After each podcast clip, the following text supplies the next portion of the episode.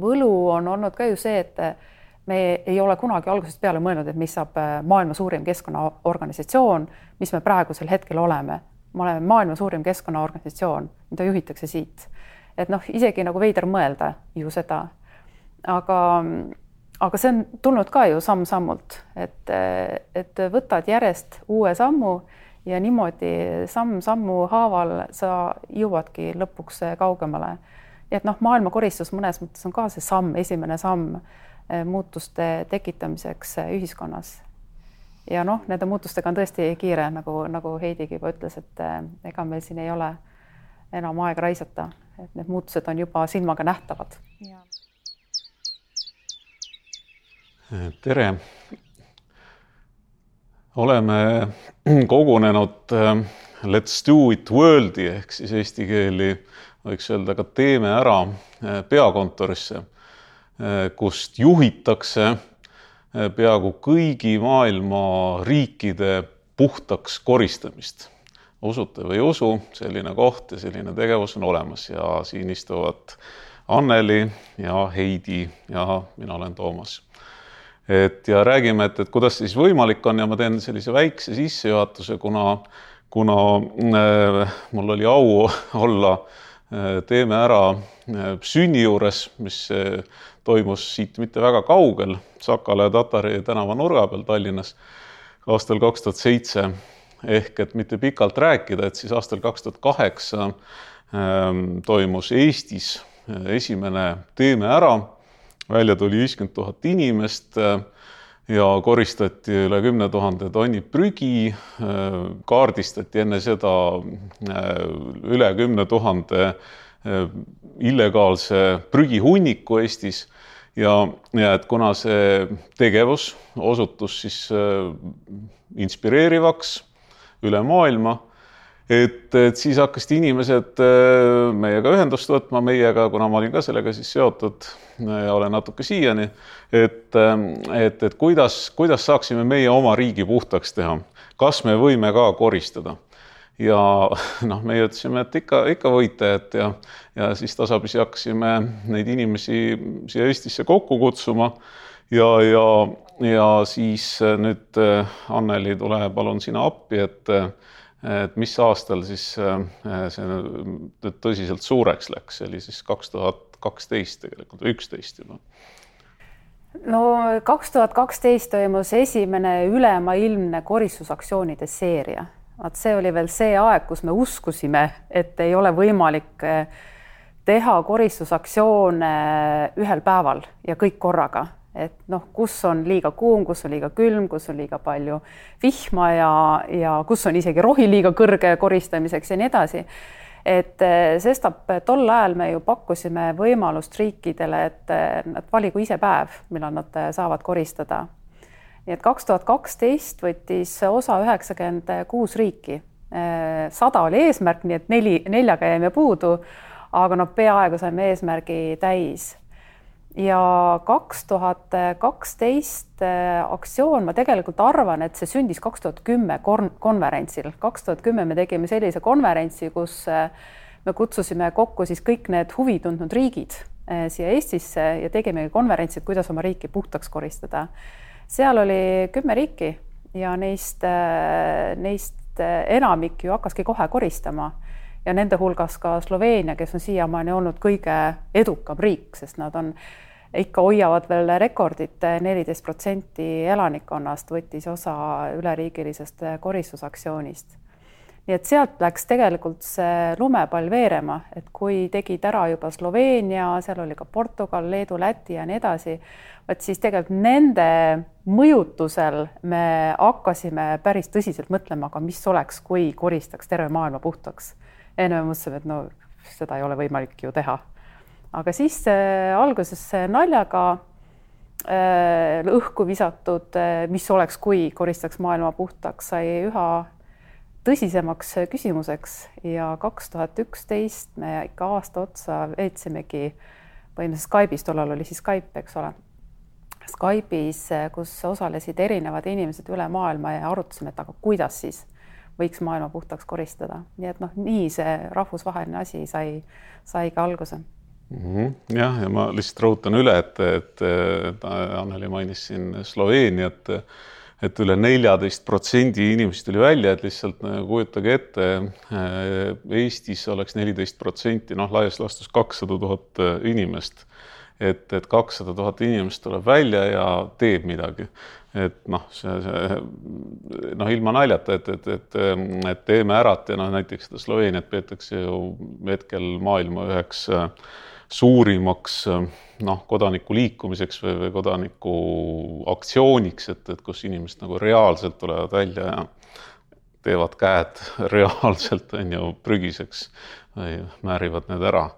Et, et, et noh, ja, ja, ja et lihtsalt enne veel aimu anda äh, selle, selle tegevuse mastaabist, et, et nagu äh, ma just teada sain, et, et praktiliselt kõik maailma riigid on siis või teisel äh, koristamises osalenud, et rekordaasta oli eelmine aasta ehk siis kaks tuhat kakskümmend üks saja üheksakümne ühe riigiga.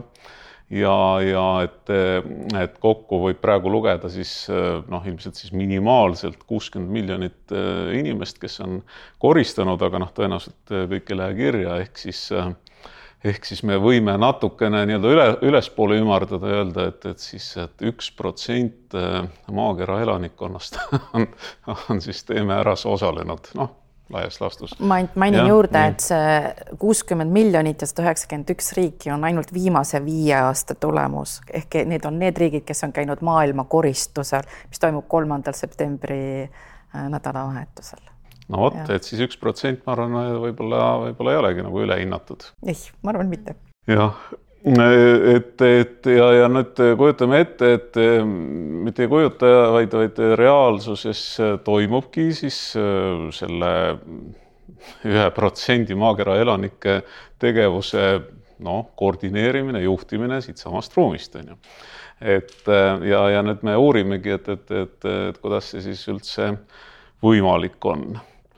Et äh, see tundubki noh, täiesti tegelikult võimatu, aga, aga, aga äkki Heidi, äh, ütle, mida, mida sina teed ja, ja, ja, ja kuidas, kuidas see on võimalik päriselt äh, kahesaja riigi tegevust siit organiseerida? no võib-olla ma nii palju ütlen, et ma, mina liitusin organisatsiooniga kaks tuhat viisteist ja juba selle funktsiooni ja ülesandega, et tuleb leida sada viiskümmend riiki, kes kes oleksid sama julged, nagu oli Eesti ja, ja teeksid üleriigilise koristuse ja tooksid viis protsenti oma elanikkonnast välja sellel ühel päeval, ühel päeval. ja see loogika pidi ju muutuma, et mitte, et me ei korista suvalisel päeval oma riiki ähm, erinevates, erinevates asukohtades üle maailma, vaid kogu maailm tuleb kokku ainult üheks päevaks ja see on see maailmakoristuspäev nii et siis tekkis juba idee sellest maailmakoristusest ja selle maailmakoristuse jaoks tuli leida liidrid, kes on julged piisavalt, et tuua ära viis protsenti oma riigi elanikkonnast. ja see saigi minu peamiseks tööülesandeks, leida üles sada viiskümmend riiki maailmas, leida need liidrid ja ehitada üles tiimid saja viiekümnes riigis, kes seda teeksid.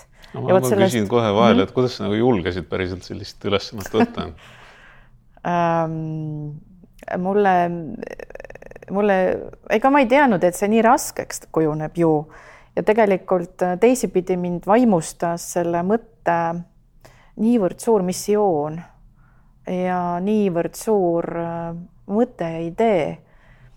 ja ma arvan, et sellist tööd maailmas teist lihtsalt enam ei ole olemas. nii et äh, loomulikult peale kahte tundi rääkimist Eva Truuverkiga ma lihtsalt lõin käed ja ma isegi ei mõtelnud, kuidas, kuidapidi nagu teele minna mul oli aega kaks ja pool aastat ja tegelikult vanast sellest network'ist, kellest te siin mõlemad rääkisite, tuli kaasa kolmkümmend viis riiki ja ülejäänud tuli kõik leida.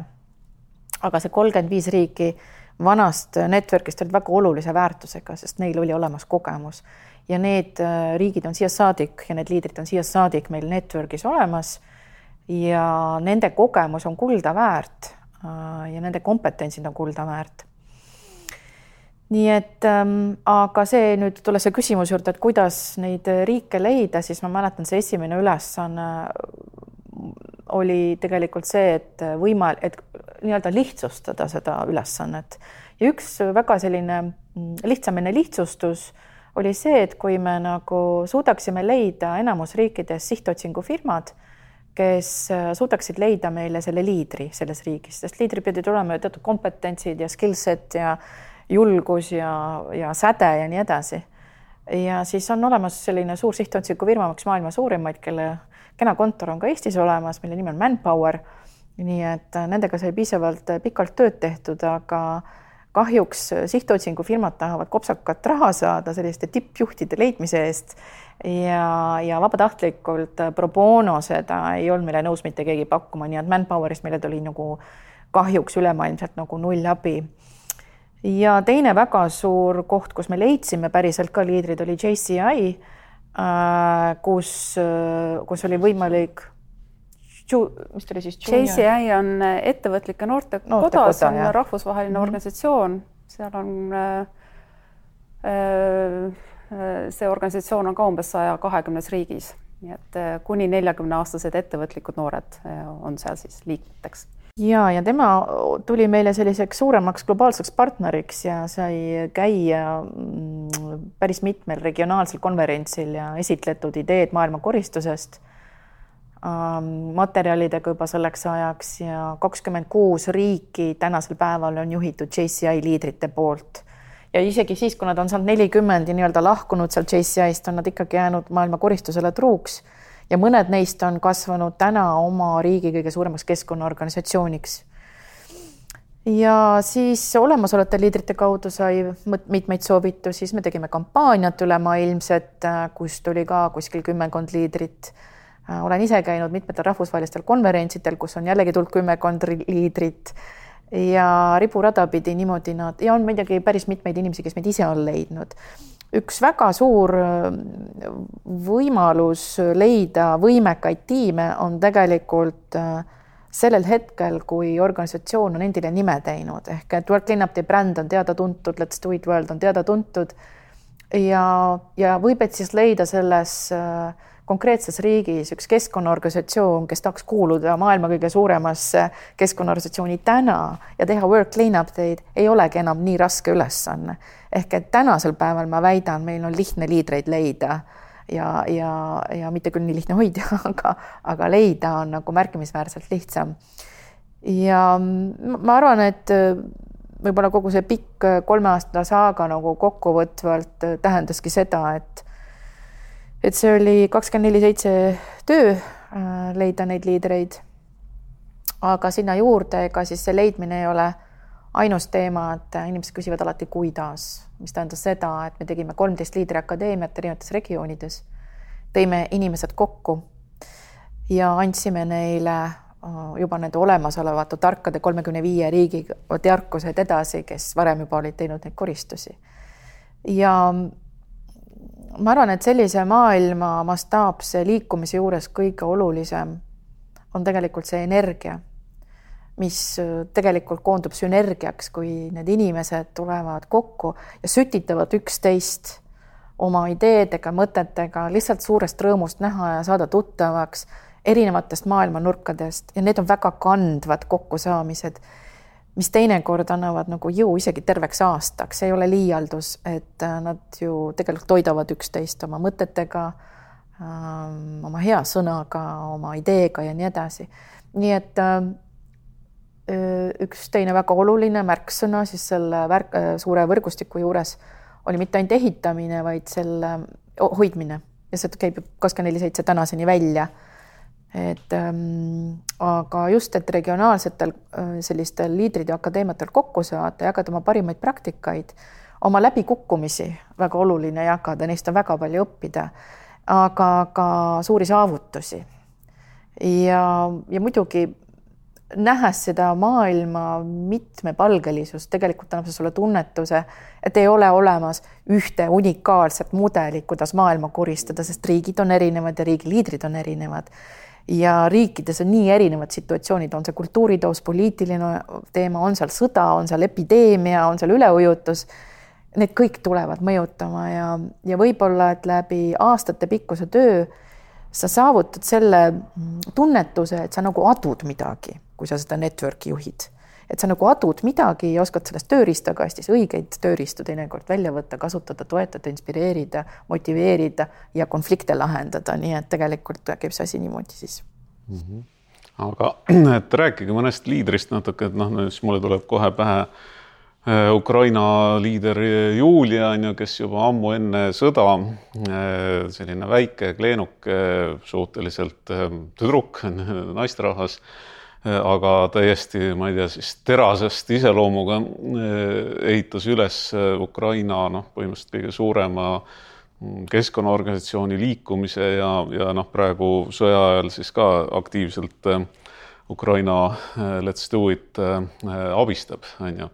Et, et noh, lihtsalt nagu kohtumine sellise inimesega, noh, ma ütlen ka isiklikult, et, et, et annab sellist jõudu, inspiratsiooni ja et, et on võimalik nagu suuri muutusi maailmas läbi viia, aga, aga äkki kumbki räägib ka ühe, ühe loo, kas ühest liidrist, ühest riigist, mis teid on niimoodi kohe tuleb meelde, et inspireerinud ja mõjutanud võib-olla ma ütlen selle Julia ja. kohta no, ka, et jah. Äh, lihtsalt see on selle Ukraina sõjaga seotud, et ma siiast saadik tegelikult mõtlen, et no nüüd on see kestnud üle poole aasta, aga põhimõtteliselt sõja esimestel tundidel juba Julia võttis ühendust ja ütles, et, äh, et on pommitamine, ta ise oli puhkusel sel ajal, aga minu jaoks on fenomenaalne, et ta suutis mobiliseerida, tekitada Telegrami, mitte Whatsappi juba tuhandeliikmelise äh, Ähm, ütleme, liidrite võrgustikku põhimõtteliselt paari tunniga, et see lihtsalt jooksis niimoodi, et ma nägin, tuhat nelisada kuus oli kõige suurem number, mida ma nägin vabatahtlikest, mis tegelikult moodustus põhimõtteliselt ühe päevaga. Et äh, ma arvan, et see maailma koristus, selle It World'i network on andnud liidritele võimekuse A mõelda raamist välja, B olla julge ja, ja võtta suuri riske ja, ja astuda lihtsalt esimene samm isegi olukorras, kus sa ei, nagu ei tea, kuhu sa täpselt liigud, aga kui sulle nagu kaaslikkusega kaasa tulevad, siis põhimõtteliselt on võimalik suuri asju ära teha. ja jah, tõsi ta on, et, et seda lugu võiks väga pikalt rääkida ja kindlasti kirjutatakse Juliast ka raamat, kuidas ta Let's do it Ukrainat, mis on tegelikult täna siis Ukraina kõige suurem keskkonnaorganisatsioon, aga ka meie Euroopa regiooni üks suuremaid liikumisi Äh, on suutnud kokku panna äh, sellise tiimi, mis on sõja ajal tegelikult ka sõjaasjadega tegelenud. Äh, aidanud nii-öelda inimesi, kes on kodudest ilma jäänud, aidanud neid lapsi, kes on vanematest ilma jäänud, ehitanud üles uuesti oma mm, Let's do it Ukraina esindusmajad ja ehitanud ka shelter eid nii-öelda või siis varjupaikasid inimestele, kes seda vajavad. ja muidugi on seal väga palju lugusid, mis on üsna õõvastavad Äh, ja meie, kes me tegelikult justkui oleme nagu rahuliikumine, äh, peame üha enam ja rohkem tõdema, et selles, selles rahuliikumises, selles suurepärases network'is, kus me täna oleme nende inimestega, sõda lihtsalt sekkub ja me peame ise ka olema võib et natuke teiste vaadetega äh, ja võtma nii-öelda ennast kokku selle network'ina ja aitama neid sõjas olevaid organisatsioone või inimesi või ise olema sõjas et täna me oleme sellesse kohta jõudnud, sest et ega Ukraina ei ole ainus riik, kus meil sõda käib. Ähm, aga ma, ma võib-olla ütlen, et sina võib-olla huvitav mõni liider, kes sind on inspireerinud, siis ma natuke mõtlen ka vahepeal juurde kellegi tead, ma mõtlesin nagu isegi nagu raske on kedagi otseselt sealt välja tuua, et eh, minu jaoks võib-olla kõige suurem inspiratsioon liidrite juures on see, et eh, et vahet ei ole, kelle poole sa pöördud, nad on kõik noh, nii-öelda nagu tavalised inimesed, neil ei ole mingit aurat ümber või, või nad ei ole mingid, eh, vaatad peale, et noh, liider, eks ole, noh, ei ole, et no,, et, et sa suudad nendega väga hästi ka ise samastuda mm. ja, ja siis sa taipad, et tegelikult eh, sa ei pea nagu sündima liidriks, vaid sa kasvad liidriks. Ja et kui sa ise usud millessegi väga tugevalt, et, et seda on võimalik saavutada, siis läbi just selle tugeva usu ja, ja ettevõtlikkuse, sul on võimalik tegelikult mägesid liigutada. ja ma arvan, et see on nagu hästi suur inspiratsioon kõikide, absoluutselt kõikide liidrite puhul. tavalised inimesed, aga usk ja, ja, ja tahe on, on teinudki neist väga-väga erilised. et ikka inimesed. peab olema mingi kombinatsioon, et see, ütleme siis see visioon või unistus, usk, et see, see päriselt on võimalik ja siis ikkagi ka tahe. jah, ja tahe ka ja noh ikka ju püüavad ka ütleme, seal juhtimisraamatud leida siis neid juhi neid kvaliteediomadusi, et millele peaks juht vastama, et, et siis noh, et tema siis juht.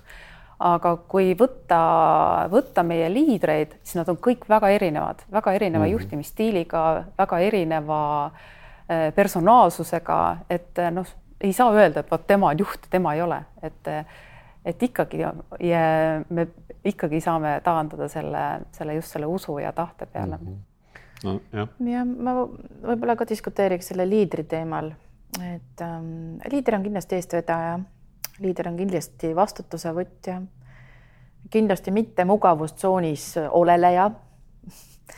Äh, ehk et äh, liider on ähm, visiooni pakkuv, turvatunnet pakkuv teinekord ja, ja kui vaja, siis astub ka kõrvale. et ähm, liider on nii palju nagu erinevaid omadusi. meil organisatsioonis on kindlasti kõik ainult liidrid ähm,. ehk mina väidan, et meie mitte ainult Let's Do It World'i uh, network või võrgustiku liidrid, aga ka meie ise kõik siin töötame väljaspool mugav, eba, ütleme mugavustsooni Äh, ja mugavustsoon tähendab meie, ebamugavustsoon tähendab seda meie jaoks, et me astume teinekord olukordadesse, kus me ei ole A kunagi viibinud või B, me ei taha viibida eriti, aga me peame seda tegema. Ähm, kus elu toob meile hetki, mis on meile tundmatud, kus me peame lahendama olukordi, milledes me ei ole kunagi varem olnud, kus me peame suhtlema inimestega, kellega me kunagi ei ole suhelnud ja kus meil peab olema puusalt lugusid rääkida või puusalt asju öelda, mis on sellel hetkel õiged ja kõnetavad. Äh, kui ma mõtlen meie liidrite peale, siis tegelikult nende jaoks see tähendab ju tegelikult seda, et nad on tulnud sellesse liikumisse ja nad on hakanud tegema maailma kõige suuremat event'i, mille nimi on maailmakoristuspäev. Nad peavad looma tiimi, nad peavad seda tiimi eest vedama, leidma rahastused ise, äh, toimetama kogu logistikaga, kui see prügi on kokku korjatud Äh, toimetame kõikide partneritega, alates lasteaedadest, religioossetest organisatsioonidest, lõpetades suurte korporatsioonide peaministri ja, ja presidendiga. sõjavägi. Äh, sõjaväega kindlasti ja, ja suutma veel esineda pressis, kui seda kõike vaja on. ja kui on vaja, siis ta teed seda kõiki neid asju ka ise.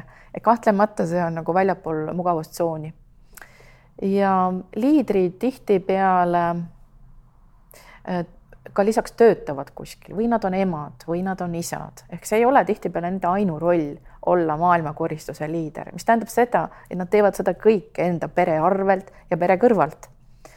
ja, ja kuulata nende lugusid, kuidas nende pered on teinekord kaasatud või, või millist lõivu nad on maksnud inimesena, on olnud väga inspireeriv, mis on mind jälle viinud jälle selle mõtteni, et mis on see motivatsioon, mis neid hoiab selles organisatsioonis ja mulle on nagu, kui ma väga laias laastus üldistan, siis ma arvan, et see on võlu, ütleme niisugune armastuse äh, armastus looduse vastu, usk sellesse, et me suudame seda parandada, ehk see niisugune hea pool versus see teine pool, et äh, on, on valu, et on midagi kaotatud, on, on, on, on, nähakse võib-olla seda maailma koledust ja tahetakse seda parendada ja võideldakse selle vastu või on kaotatud äh, kedagi oma perekonnas lähedast, lähedaselt, ka selliseid liidreid meil on ja see on neid kuidagi võimendanud äh, tegelema, ütleme sellise looduse teemaga ja ka sellega, et nad tegelevad näiteks lastega ja laste koolihariduse programmidega.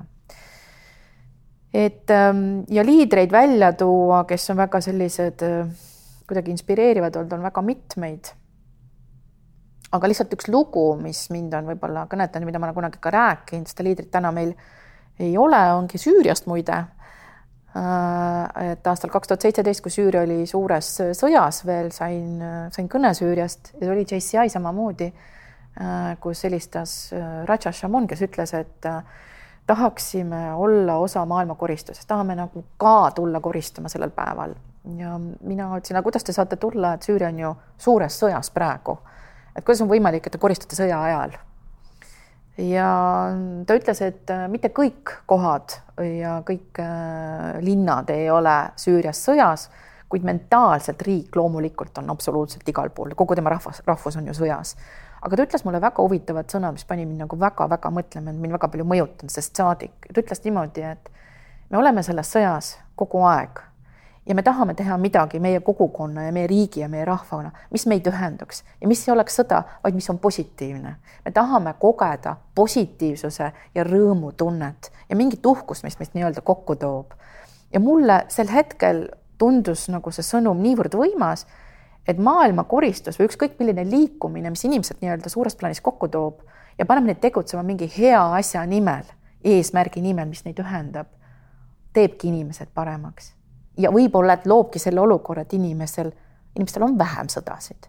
ehk et ma väidan, et sellised kogunemised võivad mõjutada sõjade kulgu või et üldse nad ära hoida, võiks ju seda teha, sest et inimesed võiksid selles olukorras ju paraneda selline lugu siis. aitäh, väga ilus lugu, et et jah, et neid liidreid on siin ju tõesti olnud igasuguseid ja neid viimase, viimaste aastate omi ma nii hästi ei tunne, aga, aga noh, et, et kui meelde tuletada siis algusaegu, et noh, seesama eh, soomlane Heiki Äh, kes, kes, kes ütleme, nägi välja nagu selline vanem hipi ja, ja oligi täiesti noh, täiesti nagu loodusnähtus, et teda on lihtsalt täiesti võimatu kirjeldada, onju. aga, aga äh, tema sai siis selle liikumise, mida noh, tegelikult veel väga ei olnudki, siis esimeseks rahvusvaheliseks koordinaatoriks ja tõesti, ta käis mööda maailma ja siis igal pool tema jalajälgedes tekkisid äh, koristused, on ju, et ja samas on täiesti selliseid, on ju, äriinimesi, äh, noh, on ju, noori edukaid ettevõtjaid, keda iganes, et, et, et vot siit tulebki nagu huvitav asi välja, et, et jah, et, et ilmselt see, see armastus looduse maa vastu visioon, usk, tahe, et et pigem see on see kombinatsioon, et, et mitte noh, mingid, ma ei tea, välised või, või, või Excelisse pandavad omadused on ju, et ei, ei ole nii tähtsad. aga et me, mul on nüüd ka selline küsimus teile, et, et kui need inimesed on nii erinevad, need liidrid ja, ja, ja kultuurid on, on ju ülimalt erinevad, et et eh, noh, isegi siin Euroopas, et, et siin meie oleme põhjapoolsemad, lõunapoolsemad on veidi võib-olla vabamad, kirglikumad. Eh, aga rääkimata palju sellistest eh, kaugetest maadest nagu, nagu India või, või või, või, või tõesti Kuuba või, või, või mis iganes, et, et, et, et, et ku, kuidas see on nagu võimalik siis Äh, need väga erinevad inimesed väga erinevatest kultuuridest noh, ikkagi kuidagi, kuidagi ühises tiimis nagu noh, ma ei tahaks öelda tööle panna, aga tööle inspireerida, et, et kindlasti see ei ole lihtne, et aga, aga kuidas see toimub? no selle maailmakoristuse jaoks äh, on, on justkui nagu ma arvan, selline geneetiline kokkulepe ja arusaam, et me ajame kõik ühte asja ja ühel moel et siin on juba muster tekkinud ja kultuur ja väärtused, mida seda toetavad. ja ma arvan, et siin nagu inimesed toimetavad selle kontsepti mõttes ühtemoodi enam-vähem. nüüd aga, kui minna sinna sisse kommunikatsioonina, noh, et me kommunikeerime või et me kohtume kellegi partneriga või et mõni liider neist on näiteks sul tiimis töötab. noh, näiteks nõukogu on meil ju täiesti rahvusvaheline, siis ähm, siis siin tuleb küll eripära väga tugevasti välja. Ja sellega peab kahtlemata arvestama ja ma isegi oma seitsme aasta töö juures võin julgelt öelda, et ega mina ka kõike lõpuni ei tea, päris kindlasti ei tea ja tegelikult see on okei okay,, et me ei tea, me ei peagi kõike teadma, aga meil peab olema piisavalt nagu tahet proovida julgeda ja pigem olema nagu alalhoidlik teatud kultuuridega, nagu näiteks Lähis-Ida või, või ka Aasia. et, ähm, et peab nendega arvestama ja ütleme teatud kohtades näiteks, kui on kohtumine partneritega või ministeeriumitega, siis kindlasti tasub nagu etiketti jälgida ja, ja ka küsida, et kuidas ühes või teises olukorras äh, tuleb käituda. Ähm, aga selle sa juba tajud ära riigi liidri pealt ka, milline see nii-öelda see kultuur on, et noh, näiteks Jaapani kultuuris, kui mõtleme meie Jaapani liidri peale, siis äh, äh, tema on selline rohkem nagu reserveeritud ja sa pead rohkem aega võtma ja ja pead aega leidma, et kuulata ja rääkida ja olema nii-öelda nagu ehitama nagu seda ühist sellist äh, keskkonda, et see on Aasia riikidele hästi omane, et sa seda aega sinna võtad seevastu näiteks Balkani riigid on väga tormlevad ja tulevad ja kallistavad ja kõik jääb kähku ja juba poole jooksu pealt on kõik sõnad ära öeldud. et need on, need on, aga need on väga erinevad ja Lähis-Ida riikidele, riikides võib juhtuda minusugune või meiesugused heledad naised võib-olla nagu nii lihtsalt kohtumistele ei saagi, et selle kõigega lihtsalt peabki, peabki nagu ähm, harjuma ja, ja arvestama, aga veelgi olulisem teema selle juures on poliitiline taust. Ja see on ähm, selline teema, kus ennast kindlasti peab nagu alati ennem ette harima, et kui sa oled ühes riigis käinud, siis võib juhtuda, et sa teistesse riikidesse enam hiljem ei saagi Äh, et sa pead olema teadlik sellest või et siis teatud riigiliidriga, liidritega teistesse riikidesse kohale ei saa minna, pead mõtlema, millises riigis liidriakadeemiat korraldada, et kõik riigid saaksid kohale tulla. Äh, milliseid riigiliidreid mitte kokku panna ühte veebinari, ka sellist infot pead omama. nii et ei ole ainult see kultuuritaust, vaid on ka, ka, ka ütleme, sellised pikemad ajaloolised äh, saagad ja sõjalised olukorrad ja konfliktide olukorrad, millega peab arvestama. nii et te peate ikka nagu täiesti ÜRO tasemel kogu aeg mõtlema aga noh, teisipidi noh, selge, et kui me hakkame mõtlema, mis meid eristab, me leiame väga palju, noh, isegi kui me võtame praegu siin meie kolmekesi, et noh, me leiaksime terve pika nimekirja asju, mis, mis meil on erinevad. aga samas võib-olla olulisem ja, ja aeg-ajalt ka raskem on leida asju, mis meid ühendavad. ja, ja eks meie peame ka fokusseerima sellele, mis meid ühendab ja ühendab meid ka tegelikult palju, me peame lihtsalt need kohad üles otsima. nii et liidrid, me küll oleme erineva kultuuritaustaga, erineva maailmavaatega, võib-olla isegi erineva uskumu-, uskumustega, aga sellegipoolest meid kõiki ühendab äh, armastus looduse vastu. Ja meid kõiki ühendab see, et me tahame luua muutusmaailma. Ja liidrid, kui nad on selles samasuguses rollis ja siis on äh, nii-öelda tema kolleeg teises riigis, kes on ka täpselt samasuguses rollis, ta elab täpselt samasuguseid neid emotsioone läbi, kord on seal sügav mõõn, siis on jälle suur mm. Puskleb äh, küll rahastusega, küll tiimi kokkupanemisega, kõige sellega. tegelikult see on see, kus, kus me saame aru, et me oleme tegelikult täpselt ühes, noh, ühes kausis mm, -hmm. ütleme ühe selle, sellesama asja nimel nii et eks meie eesmärk on ka asjad võimalikult lihtsad hoida, et meil on äh, need põhiväärtused, millest me alati lähtume ja, ja me ikkagi kokkuvõttes oleme alati inimesed ja planeet on meil ju kokkuvõttes kõigil üks mm. -hmm. nii et äh, planeedil ei ole piire, me oleme ise need piirid siia kaardi peale tõmmanud mm. -hmm. aga, aga, aga väärtustest rääkides just mm, -hmm. et, et kus teie jaoks ütleme siis sellised äh, noh, eetilised väärtusli-, väärtuste piirid on, ma mõtlen seda, et et noh, on olnud ikkagi erinevaid juhtumeid poliitikast rääkides siin, et et kui, kui riikide siis valitsevad jõud näevad, et, et, et seal liikumises on jõudu sees, et, et siis noh, kas need kaaperdavad või, või no igal juhul tahavad, tahavad olla siis need, kes ütlevad, et noh, et meie, meie koristame oma maa puhtaks, on ju. Et noh, samas kui nad koristavadki puhtaks, ega, ega siis noh, see põhimõtteliselt läheb ju, ju eesmärgiga kokku, on ju.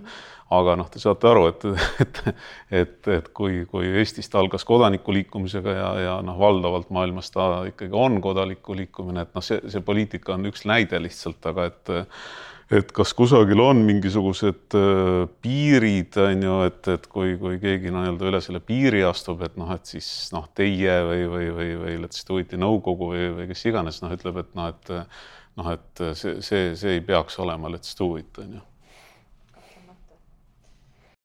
Ma arvan, et nendel maailmakoristuse algupäevadel, algupäevil oli sellist kaaperdamise mekki rohkem juures ja, ja oli päris mitmeid juhtumeid mitmetes riikides, kus äh, tuligi, ütleme, mingi äh, tol hetkel valitsuses olev poliitiline organ, kes ütles, et äh, meie teeme seda maailmakoristuse päeva või no ja nii edasi, aga iseenesest ega suures plaanis, nagu sa ütlesid, ega maailm saab sellest ikkagi paremaks väga,. väga-väga tore, aga ainus asi, mida, mille eest noh, vähemalt meie seisame, on see, et et riigiliidri motivatsioon sellega kuhugi ei kukuks, et see oleks nagu kõige hullem, mis juhtuda saab ja päris, päris kindlasti me peame siin sekkuma, meil ei ole võimalusi mitte sekkuda, me peame sekkuma ja me olemegi sekkunud sellisel juhul.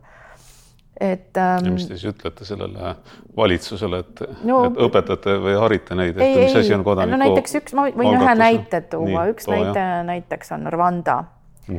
Äh, Rwanda ei kar-, kaaberdanud, ta ütles, et aga meil on oma koristamine siin ja nad võtsid täpselt sealsama kuupäeva ja hakkasid nii-öelda riiklikult koristama. Seda on varem ka juhtunud jah. jah, et okei okay,, nad ei pea, nad ei pea panema seda suurt äh, kaubamärki juurde ja nii edasi, aga tänasel päeval see liider on, äh, on tegemas work clean-up teid koos äh, riigi, ütleme siis valitsusega. Okay.. Miks? sellepärast, et work clean-up on lihtsalt nii suureks kaubamärgiks kasvanud.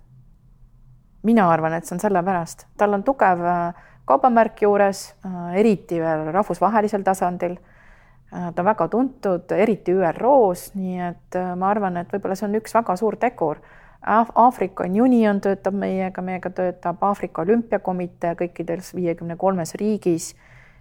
Ja ma arvan, et ja, ja UN Habitat ja African Clean Cities platvorm ja nii edasi, et siin on hästi palju kõige mõjusamaid Aafrika institutsioone, organisatsioone, kes selle kaubamärgiga koos täna tööd põllul teevad ja koos projekte ajavad, nii et ma arvan, et äkki siin on seda mõjusust juures ja ma võin ühe, ühe loo veel rääkida mm. -hmm. see nüüd ei olnud küll maailma koristuse ajal, aga, aga see lugu juhtus Keenias, kus Nairobi linnavalitsus soovis ka näidata koristusaktsiooni, mida meie tiim tegi justkui nagu enda omana ja, ja lükata meie tiim kõrvale. vot seal tuli jälle meie enda president appi. eelmine kes... aasta kusjuures ja, ja ta pööras spetsiaalselt meie palvel tähelepanu Let's Do It Keenia tiimile ja, ja andis neile selle välja teenitud äh, tähelepanu ja läbi selle, et meie president pööras neile nii ekstra suurt tähelepanu, hakkas ka Nairobi linnavalitsus oluliselt tõsisemalt äh, neisse suhtuma. nii et aeg-ajalt on vaja ka natuke võib-olla positsiooni pealt äh, nagu survestada ja, ja Eestis on ses mõttes äh, hästi, et eh, meil on väga hea koostöö nii Keskkonnaministeeriumi, Välisministeeriumi, presidendi kantselei, peaministri eh, bürooga, et eh, me saame eestlastena nagu koos teha ja, ja vajadusel üksteist ka toetada.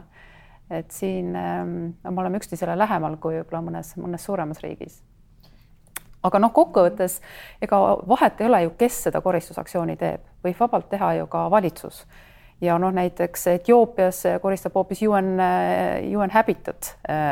et ka see on võimalus, et me peame pigem tähele panema seda, et seda koristusaktsiooni ei kasutata ära oma isiklikeks eesmärkideks, noh näiteks siis, et saada siis rohkem tähelepanu valimistel või muud aga kui valitsus teeb nagu samamoodi koristusaktsiooni, nii et ta kaasab kõiki sektoreid kõik on, kõik on kaasatud, kõik on sees ja, ja läbi selle tekib ka diskussioon, et kuidas me saaksime oma riigis teha nii, et seda laga sinna loodusesse ei tekiks, siis on tegelikult okei okay.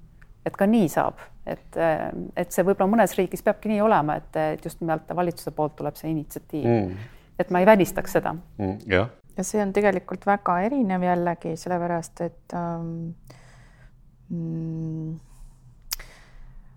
hästi palju riike maailmas tegelikult ähm, äh, on korrupeerunud valitsustega.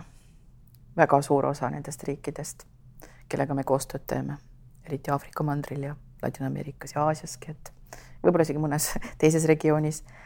aga viimastel aegadel ma olen tõdenud ja saan nagu kinnitust sellest, et, et meie, meie organisatsiooni esindajatelt on ta siis Let's Do It Cameroon, on ta siis Let's Do It äh, Sierra Leone, mis iganes muu riik, äh, valitsus või ütleme, avaliku sektori organisatsioon küsib altkäemaksu, teha kas mingeid projekte või teha ka seda maailma koristust, et ka sellised juhtumid on viimasel ajal kahjuks sagenenud.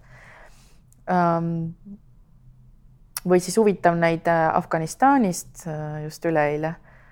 et meie Afganistani liider tegelikult hetkel elab Rootsis aga tiim töötab Afganistanis ja nad on tegelikult päris tugev, tugevad mobiliseerijad ka olnud varasematel aegadel. Aga seoses võimuvahetusega pöördusid nad Talibani poole, kes siis praegu valitseb seal, et et saada luba, Lähis-Ida peab küsima valitsustelt luba, et koristada teha massiaktsioone, sest et kui sa massidega välja tuled, siis võib juhtuda, et sa võid sedasama massi kasutada riigi enda hea, ütleme, turva või ma ei tea, olukorra valitsuse vastu või vastu või ükskõik, mobiliseerida inimesi sõtta või mida iganes. oht. et see on oht. ja tänaseks nad ei ole seda luba veel sealt saanud. ja Taliban küsid neil, küsis neilt ka raha, sellepärast et nad väidavad, et neil ei ole raha endil, et toetada või et kokku võtta nii-öelda kogu seda prahti, mis siis tekki-, on tekkinud või, või siis koristatakse kokku maailmakoristuse päeval, et niisugune väga huvitav nagu infokild, et paneb jällegi nagu mõtlema nagu selle maailma nagu niisugusele suurele pildile, aga Lähis-Idast rääkides ikkagi ma ütlen, minu jaoks on inspireeriv, väga inspireeriv on meie Iraani liider, äh, kes on ka Lähis-Idast ja Iraanist, et lihtsalt erisus on selles, et äh, kui teised riigid saaksid töötada nii-öelda oma Äh, valitsusega, siis Iraanis on lugu selline, et ta pigem ootab äh, valitsuselt mitte niivõrd seda, et nad teda toetaks, vaid pigem seda, et tal nagu asju ära ei keelataks või et ei sekkutaks piisavalt. sest et ei lubata kokku tuua suuri masse ja ometigi see mees on mobiliseerinud sada nelikümmend tuhat inimest läbi pisikeste koristustiimide üle terve riigi. vot see on kõva liider. väga äge inimene ja ta on ise niivõrd tagasihoidlik ja niivõrd äh, selline inspireeriv, ma arvan, et sa vist tead Niimasaaret on ju, ei tea, okei. Okay.. no vot, Lähis-Ida on väga huvitav piirkond. et selles mõttes ja, et kuulates teid, et te olete ikka väga sellises erakordses äh, olukorras, et et, et noh, kui, kui enamus inimesi äh, rääkimata noh, ma arvan ka ütleme siis diplomaatidest ja nii edasi, et, et tunneksid ennast küllaltki nagu ebamugavalt, on ju, rääkides siin korraga, ma ei tea, Talibanist, Iraanist, noh, ma ei tea, Iisraelist, kellest iganes, on ju, et et te, te noh, nagu suhtlete täitsa vabalt ja, ja siis siis noh, et kuna kõik saavad aru, et, et mis on eesmärk, on ju, et, et see, see on väga-väga lahe tegelikult, et ma ei tea, kas teil Talibaniga on otsekanal või ei ole? ei, ei ole otsekanalit, aga mul lihtsalt meenub sellega kõige naljakam lugu, mis mul endal on juhtunud, oli kaks tuhat seitseteist oli konverents ja tegelikult oli kaks tuhat kaheksateist ja meil oli plaanis tekitada juba siis niisugused regioonid, sest et noh, network oli nii suureks kasvanud, oli regioonid vaja teha ja üks mõte oligi Lähis-Ida ja siis me panime need Lähis-Ida ja igas regioonis oli siis töögrupi juht ja mina jäin siis Lähis-Ida juurde, Lähis-Ida juurde, sest ma nagu noh, sain aru, et see ei ole nii lihtne lugu. ja siis tuligi välja, et, et kolmandik riike üksteisega töötada ei saa. ei saa Iraan, Iraak, ei saa Türgi, ei, ei saa seal erinevad riigid ei tohtinud toimetada. lõpuks me tegime niimoodi, et me võtsime ruudulise paberi ja tegime tabeli, milline riik millise riigiga tohib töötada ja minu arust oli Jeemen see, kes tohtis töötada üks pool riiki tohtis töötada ühe riigiga, teine pool riiki ei tohtinud sama riigiga toimetada, nii et äh, ma sain aru, et Lähis-Ida regioon on väga keeruline ja tegelikult ta kogu aeg ka nagu muutub ja mängib, et äh, et nii ta on mm. -hmm. nii, aga äh, ikkagi veel äh, et värvi ja, ja, ja lugusid, et äh, ma olen kindel, et, et te, teil on veel midagi äh, sellist, mida kõrva taha panna, inspireerida võib-olla keskkonnaalaselt võib nagu mõtlema panna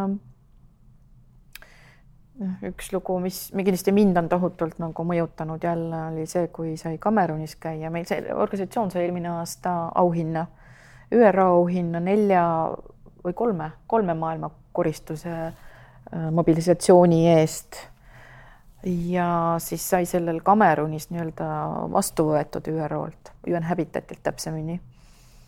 ja tavapäraselt on nii, et kui saab kuhugi riiki mindud, isegi kui see on puhkus, kui juhtub, et sul on puhkus, siis ikkagi sa kohtud nende liidritega ja teed nendega tööd ja lähed koristama ja nii edasi.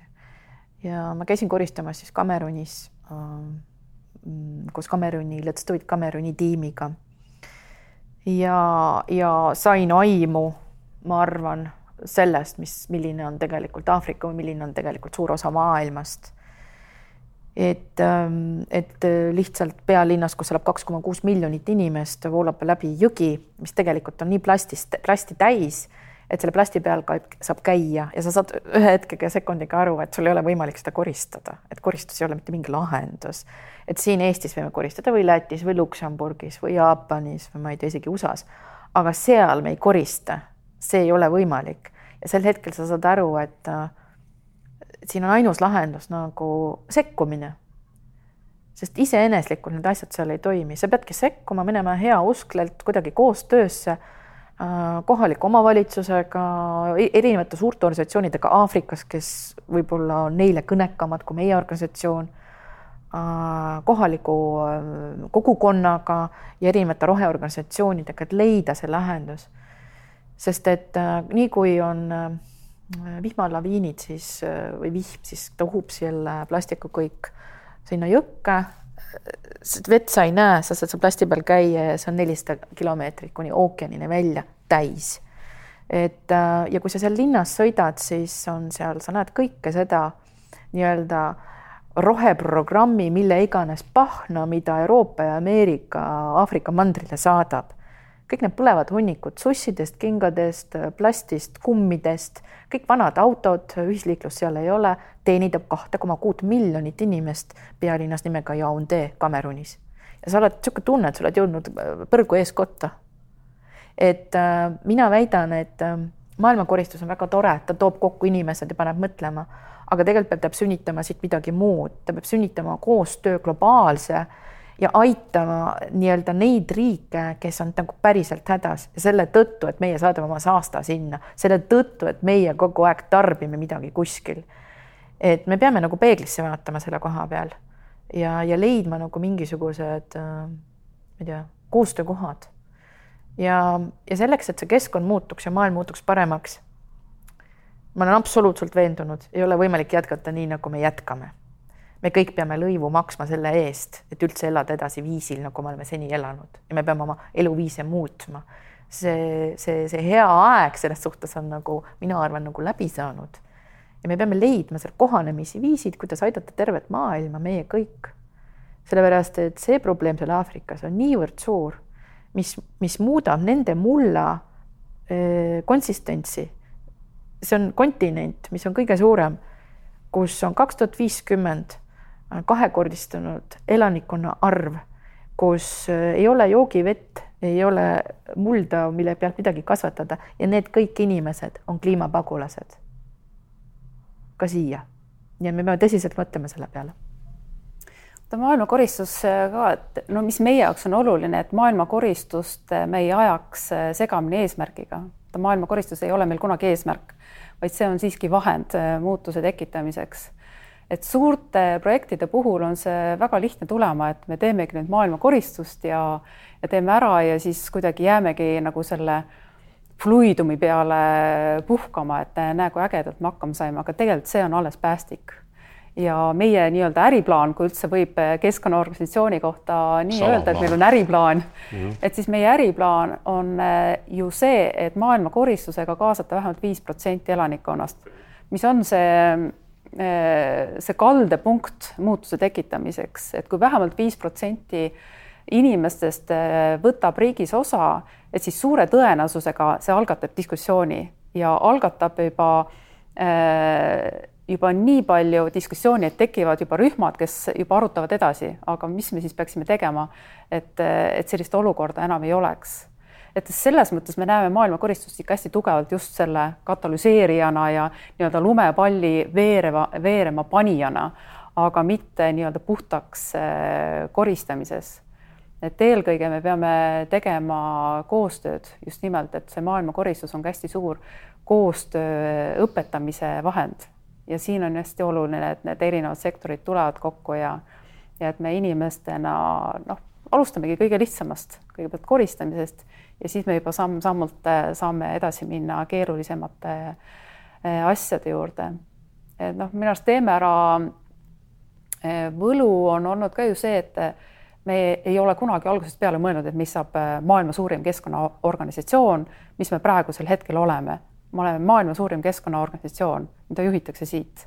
et noh, isegi nagu veider mõelda ju seda. aga aga see on tulnud ka ju samm-sammult, et, et võtad järjest uue sammu ja niimoodi samm-sammu haaval sa jõuadki lõpuks kaugemale. nii et noh, maailmakoristus mõnes mõttes on ka see samm, esimene samm eh, muutuste tekitamiseks eh, ühiskonnas. ja noh, nende muutustega on tõesti kiire, nagu, nagu Heidigi juba ütles, et eh, ega meil siin ei ole enam aega raisata, et need muutused on juba silmaga nähtavad. ja ma toon ühe hästi raske teema juurde, millega ma nüüd viimasel ajal nii palju olen pidanud piike murdma ja mille peale on nii palju küsitud ja öeldakse, et olukorras, kus maailmas on energiakriis, olukorras, kus on Covid, taudid, üleujutused, maavärinad, miks me peame prühprahti koristama? no öelge, miks me peame sellega tegelema? meil on palju suuremaid asju, suuremaid asju teha. me peame raha sinna panema ja oma aja ka sinna toppima. Ja, ja ma olen mõtelnud, et vot see koht, et nüüd leia nüüd seos selle selle, selle ütleme, niisuguse suurte kataklüsmide ja, ja katastroofide ja, ja asjade vahel prügiga on hästi oluline, see on niivõrd oluline. no see, et ma juba rääkisin, et, et ei ole vett, mulda ja kõike muid asju, on otsene seos juba põuaga, mis on kriis.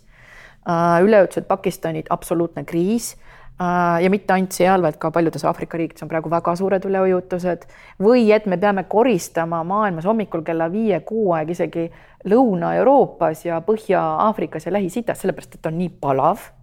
neljakümne kaheksa kraadiga ei ole võimalik päisepäeval koristada, Eesti võib, aga teised ei või. Need kõik on tegelikult sellised asjad, mis räägivad, mm, et muutused on toimumas või toimunud äh, keskkonnas ja, ja väga tahaks, et inimesed suudaksid luua seoseid prügi tarbimise äh, ja, ja, ja sellega, milliseid järeldusi või ütleme, milliseid, millist, millist muudatust ta keskkonna loob ja kuidas see keskkonnamuudatus tegelikult loobki selle kataklüsmi. inimesed peakski sellest kohast nagu aru saama.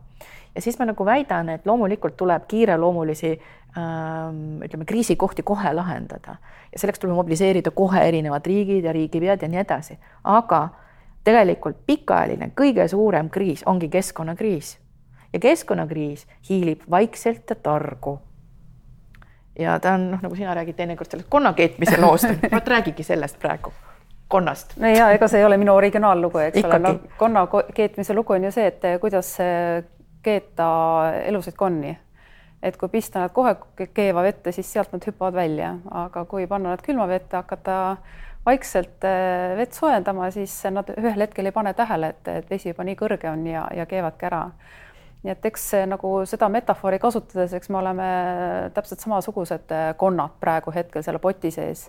temperatuur muudkui tõuseb ja, ja, ja ei pane tähele, et kui kõrgele ta on tõusnud ja ühel hetkel siis äh, olemegi ära keedetud et noh, siin on ka see ühistarkus, ega need probleemid on praegu nii suured ja nii komplekssed, et ega ei ole inimest maailmas, kes teab vastust, teab mm, lahendust neile ja siin me peamegi leidma selle just nimelt selle ühis, ühistarkuse üle, ülesse. et kui meil on mitte päris see ühine eesmärk, aga kui meil on vähemalt ühine suund, kuhu poole minna ja kui me kõik lepime kokku, et me kõik koos liigume sinna suunas et siis on võimalik äh, see planeet veel ära päästa. aga siin meil ongi vaja tahet ja, ja ühistarkust. jah, igal juhul te, te olete nagu selline lootuskiir on ju mustas, mustas siin mustal horisondil, et, et mul on ka hea uudis teile, et, et mitmed uuringud või no ütleme, okei okay,, et, et üks, üks suur uuring Äh, selle kohta, et, et milline siis on see kriitiline mass äh, populatsioonist või noh, riigi elanikkonnast, et, et millest alates äh, toimub selline noh, paradigma muutus või, või nagu suur nihe, et et, et see, see väidetavalt on hoopis kolm koma viis protsenti. jah, jah, et no on erinevaid, on siin viis ja kümme ja üks ja kaks, aga, aga noh, et, et tõesti see küllaltki äh, Äh, auväärne uuring ütles, et, et on kolm koma viis protsenti ja üheks näiteks toodi seal siis Eesti äh, laulev revolutsioon. Või noh, Eesti taasiseseisvumine. Ja, ja noh, et, et äkki, äkki siis ongi nii, et, et noh, ma olen kohati ikka ka nagu pessimistlikumaks muutunud, aga äkki, äkki on niimoodi, et et äh, ise mäletades seda aega natuke, et mm, äh, no mitte natuke, noh siis äh, ma, ma olin siis ütleme kuusteist kuni kakskümmend aastat vana, nii et mäletan hästi. et, et kui aastal noh, kusagil tuhat üheksasada kaheksakümmend seitse noh, enamus Eestist, aga, aga veel vähem siis kusagil Euroopas või veel vähem maailmas, et uskus sellesse, et et noh, üldse näiteks Nõukogude Liit laguneb või, või, või Eesti ja teised riigid saavad iseseisvaks ja ja nii edasi et, et, et kuidas siis kolme-nelja aastaga, et tähtis on siin, et, et inimestel oli see visioon ja see usk ja tahe. Ja see suurenes kogu aeg ja just tänu nendele eestvedajatele, kes tollal ütlesid, et noh, et ükskord me võidame niikuinii ja, ja, ja, ja, ja, ja noh, näitasid on ju oma väljatulekuga, oma kõnedega, et, et see on võimalik, et nad julgesid, on ju et, et kolme-nelja aastaga noh, nagu toimus selline täiesti dramaatiline muutus. Ehm, ja, ja noh, ma mõnikord mõtlen, et, et, et mul on olnud õnn nagu, nagu seda oma silmadega näha ja kogeda.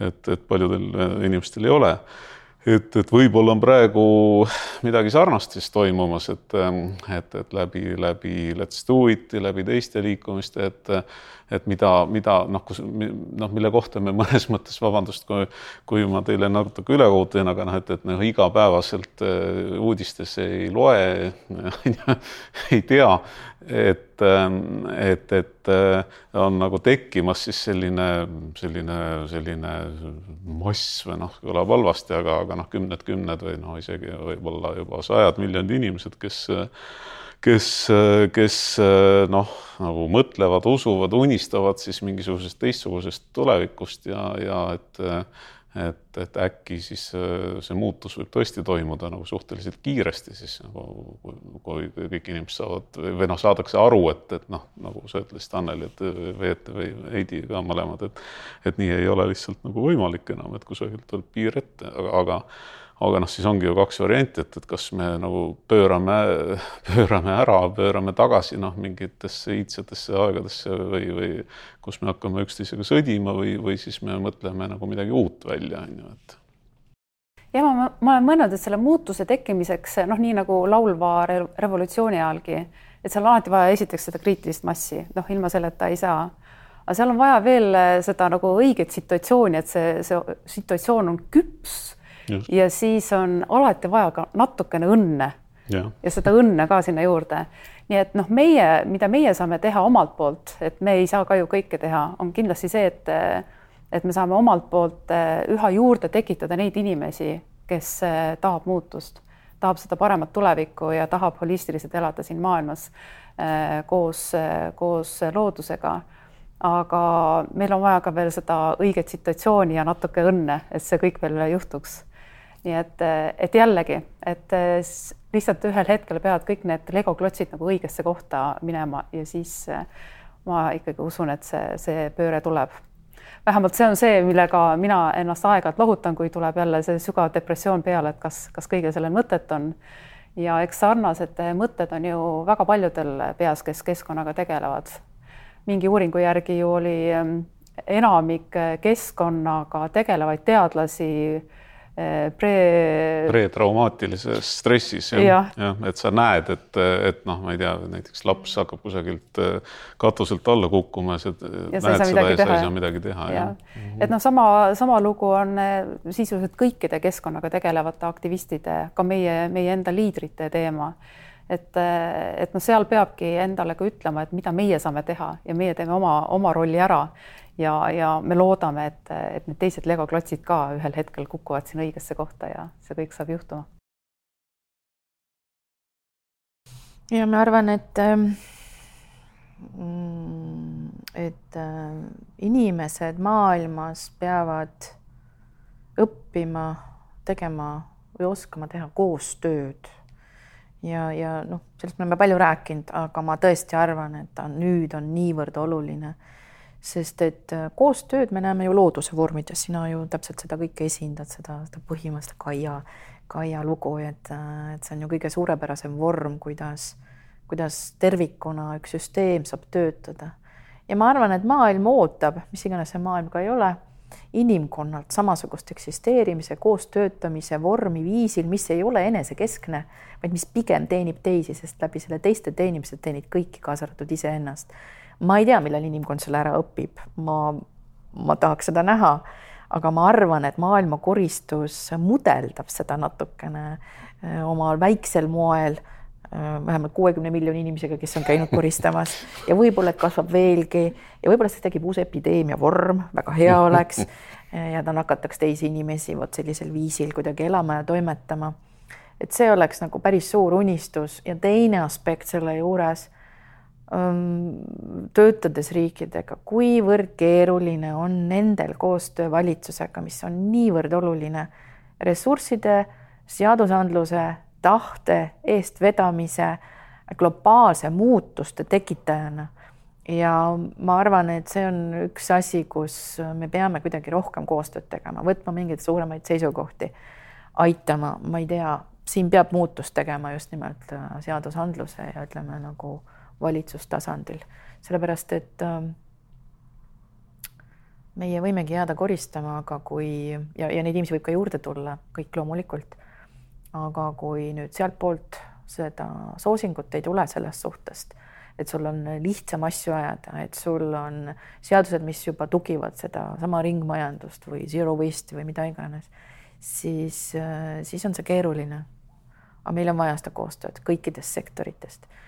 ja, ja Let's do it well, the World Cleanup Day ennekõike seisabki selle ees selle eest, et läbi selle suure Work Cleanup Day event'i, maailmakoristuse event'i, me tegelikult toome sektoriüleselt kõik koostöös ja katalüseerime muutust. see on peamine, miks me seda teeme.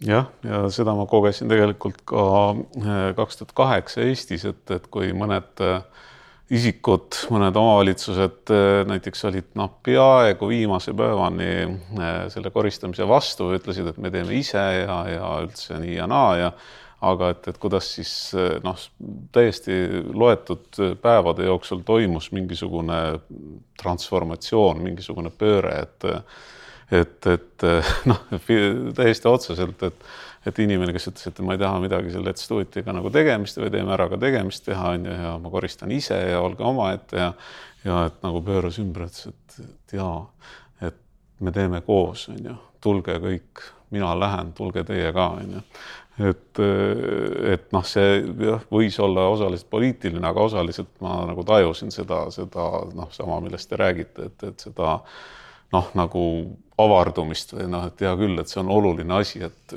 teeme ära, on ju siia hästi ja. lahe lugu Sloveenialt, seesama, kes neliteist protsenti suutis mobiliseerida, nad tegid seda üks kord niimoodi, järgmine kord tegid kolmteist ja pool ja rohkem nad ei ole pidanud kedagi mobiliseerima, sest muutus oli loodud mm., seesama, mida me ootame, eks ole aga, aga kuidas nad seda tegid, oli niimoodi, et nad rääkisid kõikide kohalike omavalitsustega, et me tahame teha suurt koristust.